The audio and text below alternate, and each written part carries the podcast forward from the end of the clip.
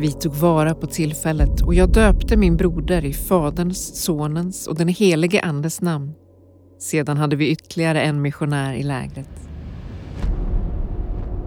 Perm, Ryssland, hösten 1983. När bussen stannar till rycks Janis obarmhärtigt ut ur drömmen. Plötsligt är verkligheten så skrämmande verklig igen. Smärtan pulserar. Handklovarna griper så hårt om hans handleder att det sticker i fingrarna. Genom maskorna i huvan smyger sig lite av dagsljuset in. Mer än så kan han inte urskilja. Ett oroligt mummel sprider sig bland fångarna.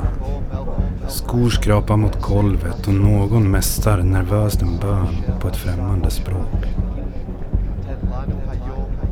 Huvan rycks av och hans överraskade pupiller spetsas av solstrålarna. Stå upp, ropar en av vakterna barskt. Oavsett språktillhörighet hörsammas orden och alla reser sig från sina säten. Janis ser då för första gången den dystra vy som ska bli hans horisont de kommande åren. Ett högt grått plank, krönt med taggtråd. Vem utom du Gud vet vad jag är nu, hinner Janis tänka innan blixten slår ner. Slaget mot bakhuvudet gör honom för tillfället blind.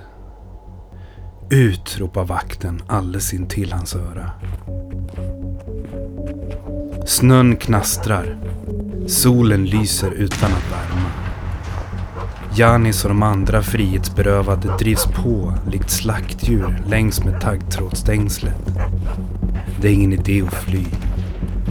Om inte vakterna i tornen skjuter dig eller minorna spränger dig så kommer du irra runt på de snötäckta ryska vidderna tills kölden tar dig.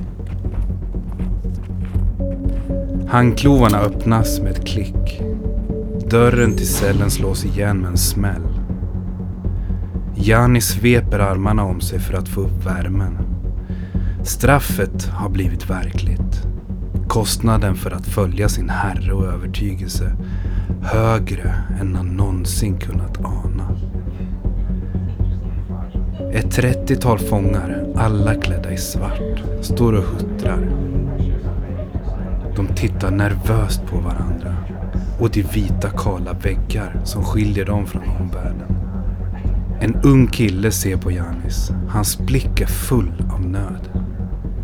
De behöver en god herde, tänker Janis. Och påminner sig om att vakterna inte bara lett honom rakt in i helvetet.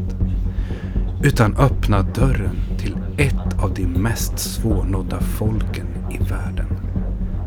De frihetsberövade.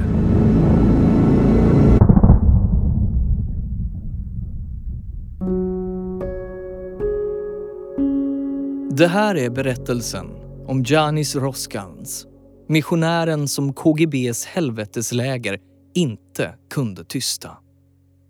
Med lägrets fasor ännu färskt i minnet stod han upp för människans rättigheter. Till KGBs förtret ledde han mitt i misären flera av sina medfångar hem till Herren.